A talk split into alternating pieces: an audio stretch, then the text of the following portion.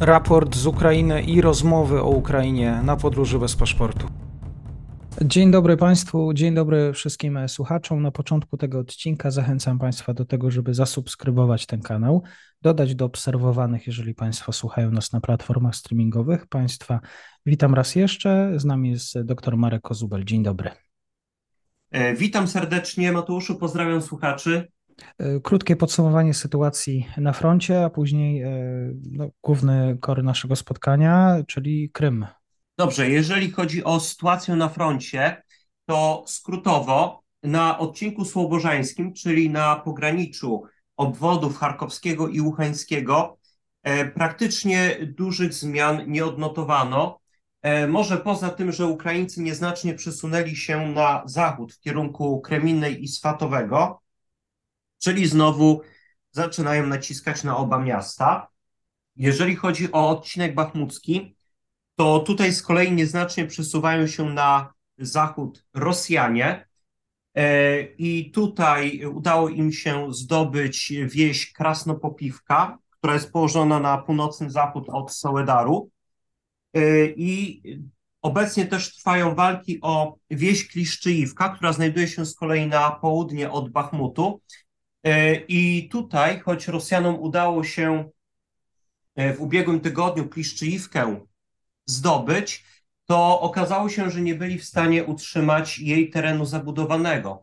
E, chodzi o to, że zaraz za Kliszczyjówką, na zachód od niej, znajduje się wzniesienie i te wzniesienie cały czas kontrolują Ukraińcy, dzięki temu mają świetny wgląd w teren przed tą wsią i dość skutecznie ostrzeliwują oddziały rosyjskie. Jeżeli chodzi też o Bachmut, to tutaj Rosjanie nie rezygnują z uderzeń czołowych na miasto. W północnych oraz wschodnich przedmieściach cały czas trwają walki. E, tak samo też Rosjanie próbują wedrzeć się do Bachmutu od południa, ale w tym celu najpierw muszą przełamać ukraińskie pozycje w północnej części wsi Opytne. Jeżeli z kolei chodzi o odcinek doniecki, e, to tutaj Rosjanie przede wszystkim próbują osaczyć Awdijiwkę, atakują e, na północ od e, tego miasta, taką wieś Krasnochorivka. Tam obecnie trwają dość ciężkie walki, prawdopodobnie wieś jest kontestowana, a także atakują na południe od tego miasta, czyli Awdijiwki, pod wsią Wodianę. I jeżeli też chodzi o E, inne odcinki, to dość ciekawie zaczęło się robić na odcinku zaporowskim, ale e, tam w praktyce e, no, Rosjanom dużo nie udało się zdziałać. Rosyjskie kanały telegramowe, głównie te oczywiście propagandowe, dużo mówiły o jakiejś rzekomo wielkiej ofensywie rosyjskiej, ale w praktyce okazały się to po prostu atakami o takim niewielkim znaczeniu taktycznym, E, prawdopodobnie część z nich była zresztą tak zwaną e, rozwiedką bojem, czyli rozpoznaniem walką. E, I Rosjanie zbyt wiele nie osiągnęli. Przede wszystkim udało im się dużym kosztem tych oddziałów obsadzić trochę terenów w strefie kontestowanej, czyli tej, można powiedzieć, ziemi niczyjej. A jeżeli chodzi o E, gwóźdź e, obecnego spotkania, ten najważniejszy temat, czyli temat Krymu, e, to tutaj no, faktycznie być może mamy do czynienia z pewnym przełomem, ale ja myślę, że tak na dobrą sprawę zmiana stanowiska administracji amerykańskiej w kwestii Krymu, w kwestii jego odbijania przez Ukraińców, ona już pewnie uległa zmianie być może nawet y, tygodnie albo i miesiące temu. Dlaczego tak uważam? Zauważmy, że w wojnie, która się obecnie toczy, na e, powiedzmy taki szerszy obieg do opinii publicznej, wiele informacji dociera niekiedy z bardzo dużym opóźnieniem. Informacje o przekazaniu jakiegoś sprzętu bądź broni, tak jak było w przypadku pocisków lotniczych HARM, e, które E, przekazano Ukraińcom e, dużo wcześniej i udało się e, połączyć je jakoś z ukraińskimi samolotami, które przypomnijmy są typami postsowieckimi MiG-29, Su-27 i pamiętajmy, że tutaj o harmach nic nie mówiono, po cichu trwały prace na, nad tym, aby można je było e, wykorzystać tych właśnie samolotów postsowieckich i dopiero po pewnym czasie, kiedy okazało się, że Rosjanie ponoszą duże straty w systemach obrony przeciwlotniczej, w radarach na odcinku hersońskim, to dopiero wtedy nagle e, wyszła na jaw informacja, że Ukraińcy używają harmów. Nawet niektórzy się zaczęli zastanawiać, czy Amerykanie po cichu jednak nie przekazali stronie ukraińskiej jakichś zachodnich myśliwców e, bądź bombowców taktycznych, które mogą wykorzystywać e, tego typu broń. No prędzej chodzi o myśliwce.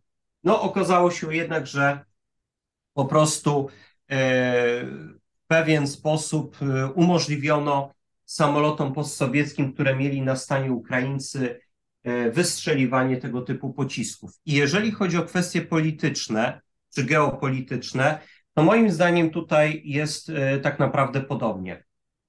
Jeżeli chodzi o Rammstein, to podejrzewam, że mocno niewykluczone jest to, że żołnierze ukraińscy już są od jakiegoś czasu szkoleni w obsłudze e, czy to e, pojazdów Bradley, czy to jeszcze innej broni nowej, którą dostaną, no chociażby połowych transporterów opancerzonych Striker.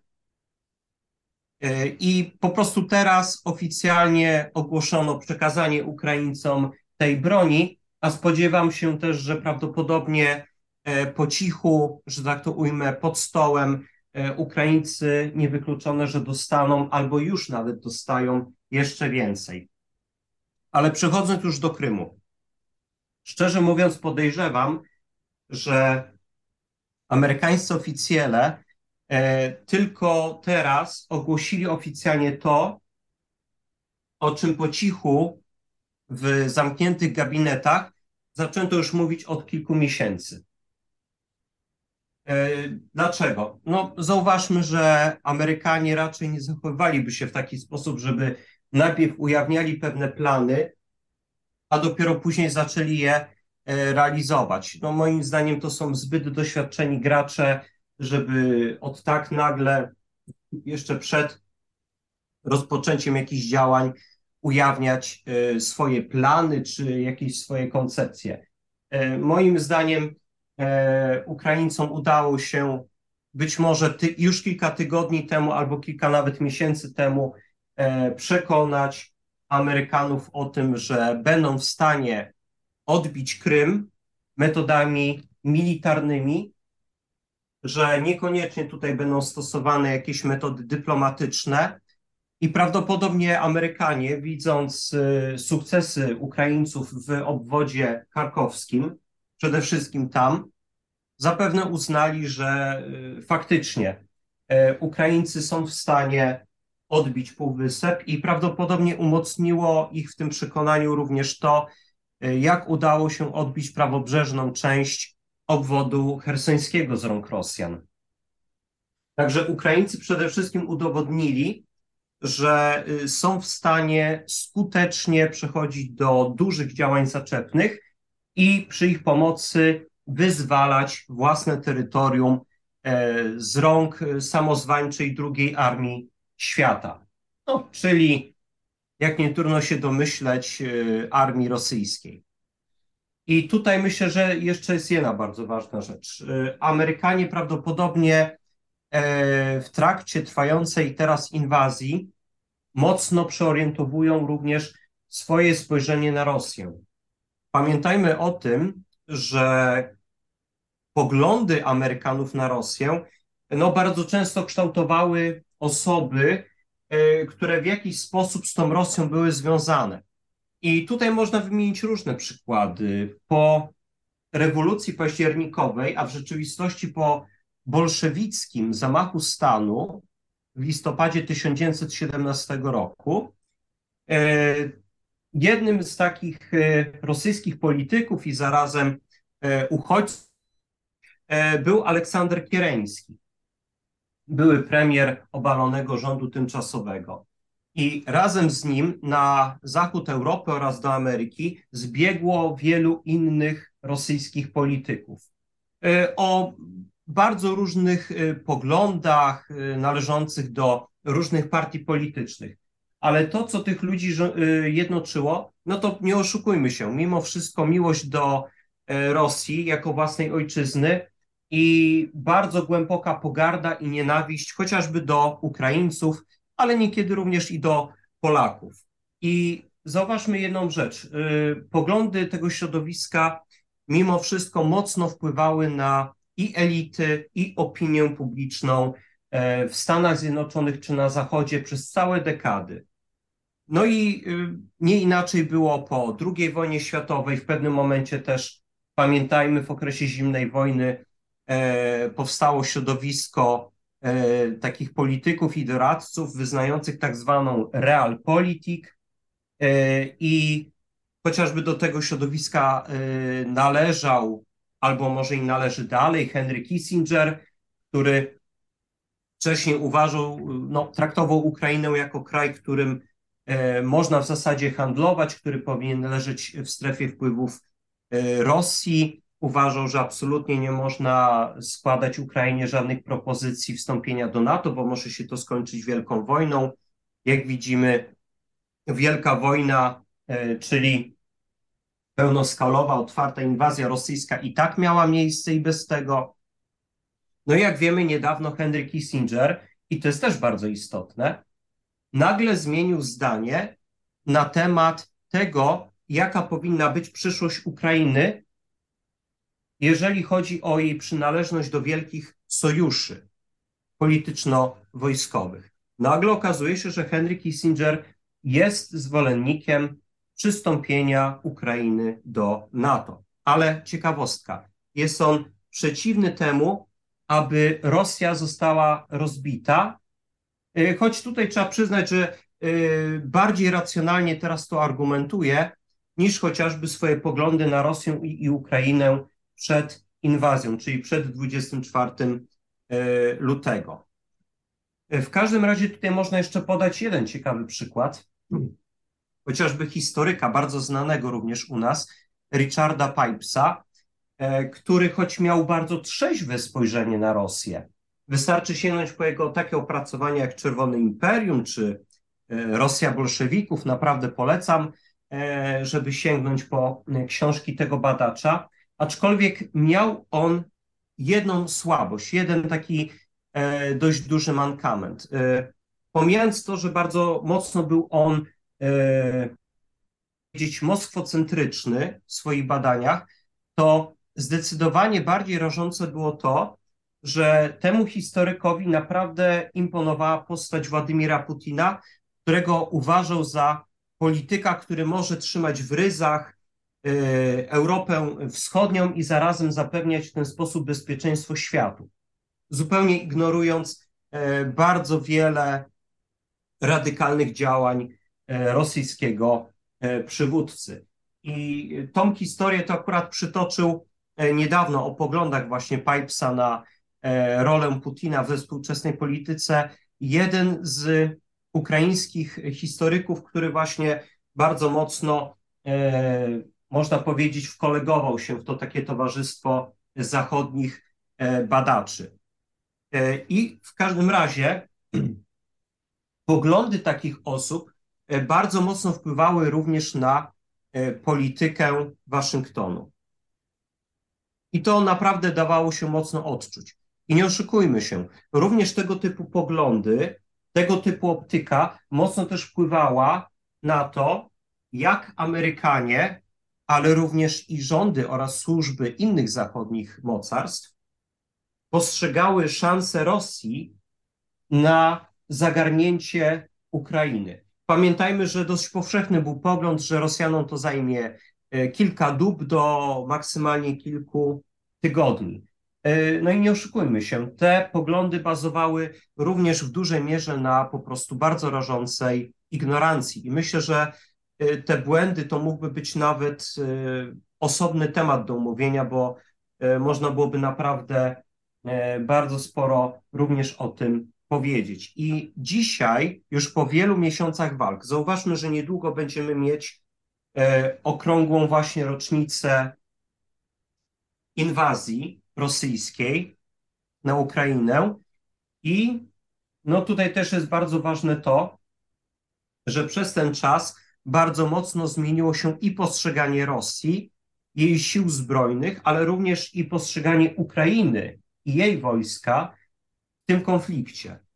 I Amerykanie dostrzegli jeszcze jedną rzecz, że e, od, przekazując Ukrainie pewną ilość uzbrojenia, amunicji, to co niektórzy publicyści czy analitycy określają tak trochę pogardliwie mianem kroplówki, to okazuje się, że przy użyciu już tych zasobów oraz zasobów tych, które Ukraińcy mieli, to są oni w stanie zadawać porażki rosyjskiemu przeciwnikowi. Są oni w stanie odbijać teren. I jeżeli chodzi o sam Półwysep Krymski, już tak przechodząc do rzeczy, e, przede wszystkim pamiętajmy, że Ukraińcy nie będą być może nawet musieli wkraczać na Krym. Albo jeżeli już, to wbrew pozorom e, Krym nie będzie terenem najcięższych walk w tej wojnie. Ja osobiście uważam, że znacznie cięższe mogą się okazać walki w południowej części Zaporoża czy w samym Donbasie. Z kolei, jeżeli chodzi o sam Krym, to tutaj Ukraińcy przede wszystkim będą mogli zrobić jedną rzecz. Jeżeli otrzymają pociski rakietowe Ziemia-Ziemia o odpowiednim zasięgu, to pojawi się przed nimi możliwość po prostu odcięcia, odseparowania, chociaż częściowego, Krymu od dostaw zaopatrzenia. Krym to jest dosyć duży półwysep i jeżeli Rosjanie będą chcieli naprawdę skutecznie go bronić, to będą musieli tam no, zebrać dość duże siły, kilkudziesięciotysięczne, ale pamiętajmy o tym, że te siły trzeba będzie w jakiś sposób zaopatrywać. A zaopatrzenie to nie tylko amunicja, to nie tylko paliwo do czołgów, do BWP-ów. Pamiętajmy, że to również żywność, to również leki, to również części zamienne. E, także Rosjanie będą musieli sobie w jakiś to sposób zorganizować, tylko ich problemem może się okazać po pierwsze zagrożenie zniszczeniem mostu krymskiego. Już y, tamten y, zamach, dywersję, zwał jak zwał, y, która bardzo mocno uszkodziła most krymski, no zniszczyła jego część. Już to Rosjanie bardzo mocno odczuli. Jeżeli most krymski zostałby całkowicie zniszczony, to Rosjanom wtedy pozostaną dwie drogi zaopatrywania półwyspu. E, pierwszą będzie droga morska. Tutaj Rosjanie będą mogli wykorzystywać barki oraz e, statki transportowe, a druga możliwość to oczywiście samoloty. Tylko, że tutaj nagle pojawiają się kolejne problemy. Ukraińcy zaczynają e, coraz mocniej rozwijać produkcję swoich dronów. Takich głównie dronów E, typu kamikadze, e, czyli w zasadzie jednorazowego użytku. I tych, e, które można wykorzystywać w powietrzu, i są to bardzo często po prostu przerobione stare postsowieckie drony, bardzo duże, które przed inwazją Ukraińcy wykorzystywali na przykład jako cele do ćwiczeń dla swojej obrony przeciwlotniczej, ale również konstruują Ukraińcy takie drony morskie. E, które zresztą też zostały użyte w ataku na e, okręty floty czarnomorskiej. Także Ukraińcy będą próbowali e, tutaj osłabiać ten transport zaopatrzenia. Będą próbowali oczywiście ostrzeliwać bazy, lotniska, węzły komunikacyjne. Chodzi rzecz jasna głównie o węzły kolejowe na Krymie i w ten sposób będą starali się osłabiać te możliwości logistyczne, możliwości zaopatrywania Rosjan na Półwyspie. I może być tak, że Rosjanie w pewnym momencie pozbawieni znacznej części zaopatrzenia albo skapitulują. Ja, ja szczerze mówiąc uważam, że jest to mało prawdopodobny, e, mało prawdopodobne zakończenie walk o Krym, albo będą na tyle osłabieni, że w pewnym momencie Ukraińcy przeprowadzą wielkie uderzenie, wielką ofensywę na Półwysep Krymski częścią swoich sił. I podejrzewam, że Ukraińcy nie będą musieli używać jakichś naprawdę bardzo ogromnych e, oddziałów, jakichś wielkich e, zgrupowań. Podejrzewam, że jednak większość swoich wojsk nadal będą utrzymywać e, w tej, można powiedzieć, materynkowej, czyli kontynentalnej części Ukrainy, czyli będą je wykorzystywać w Donbasie, na odcinku słobożańskim, czy e, chociażby będą ubezpieczać się od północy przed potencjalnym kolejnym uderzeniem od strony Białorusi oraz obwodu briańskiego. E, a po prostu na Krymie będą używać części swoich sił i co ciekawe, e, tym uderzeniem na Krym będą być może nawet mogli odciągać część rezerw rosyjskich z e, innych odcinków. Dlaczego? Chodzi o to, że Krym ma dla Rosjan nie tylko znaczenie praktyczne, militarne, ale pamiętajmy, że jego znaczenie jest również propagandowe, duchowe dla Rosjan, czyli takie mistyczne. Pamiętamy, e, jaką ogromną euforię e, Rosjanom e, przyniosła aneksja Krymu w 2014 roku. Także upadek Krymu, upadek Półwyspu mógłby właśnie spowodować ogromne załamanie się nastrojów. Mógłby wręcz nawet być takim momentem, który mógłby wywołać podobne wydarzenia, e, co w roku 1917 w Rosji. E, dlatego tutaj Rosjanie będą się starali zapobiec czemuś takiemu. No ale tak jak już wspominałem, e, jeżeli Ukraińcom uda się częściowo odciąć Krym od zaopatrzenia, utrudnić przesyłanie zaopatrzenia na Półwysep, no to po prostu otrzymamy podobną sytuację jak było w przypadku odcinka hersońskiego.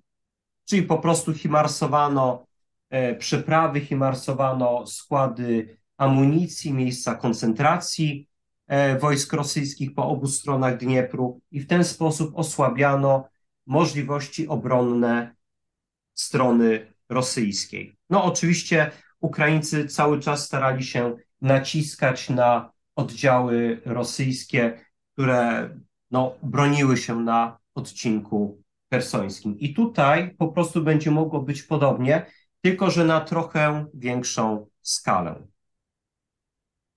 I prawdopodobnie podejrzewam, że Amerykanie, jeżeli przedstawiono im jakiś konkretny, wykonalny plan odbicia Krymu, to podejrzewam, że Amerykanie uwierzyli stronie ukraińskiej i być może właśnie dali swoje poparcie ukraińskim partnerom e, do realizacji takiego uderzenia. A takie uderzenie będzie możliwe przede wszystkim w jednym przypadku. Najpierw Ukraińcy będą musieli przeprowadzić swoją ofensywę w kierunku Morza Azowskiego, czyli jak to się popularnie mówi, w kierunku Melitopola. Tylko, że oczywiście celem nie będzie też e, tylko Melitopol. Ukraińcy będą musieli wtedy też dojść do E, chociażby Berdiańska, będą musieli wyzwolić Tokmak. Taka ofensywa w konsekwencji będzie mogła też doprowadzić do wyzwolenia reszty obwodu hersońskiego. Gdy to się Ukraińcom uda, to staną oni na samym pograniczu wyzwolonego obwodu hersońskiego i Krymu, a także znajdą się nad Morzem Azowskim. A z wybrzeża Morza, Morza Azowskiego Ukraińcy już będą mieli ułatwione zadanie w zakresie ostrzału chociażby mostu krymskiego.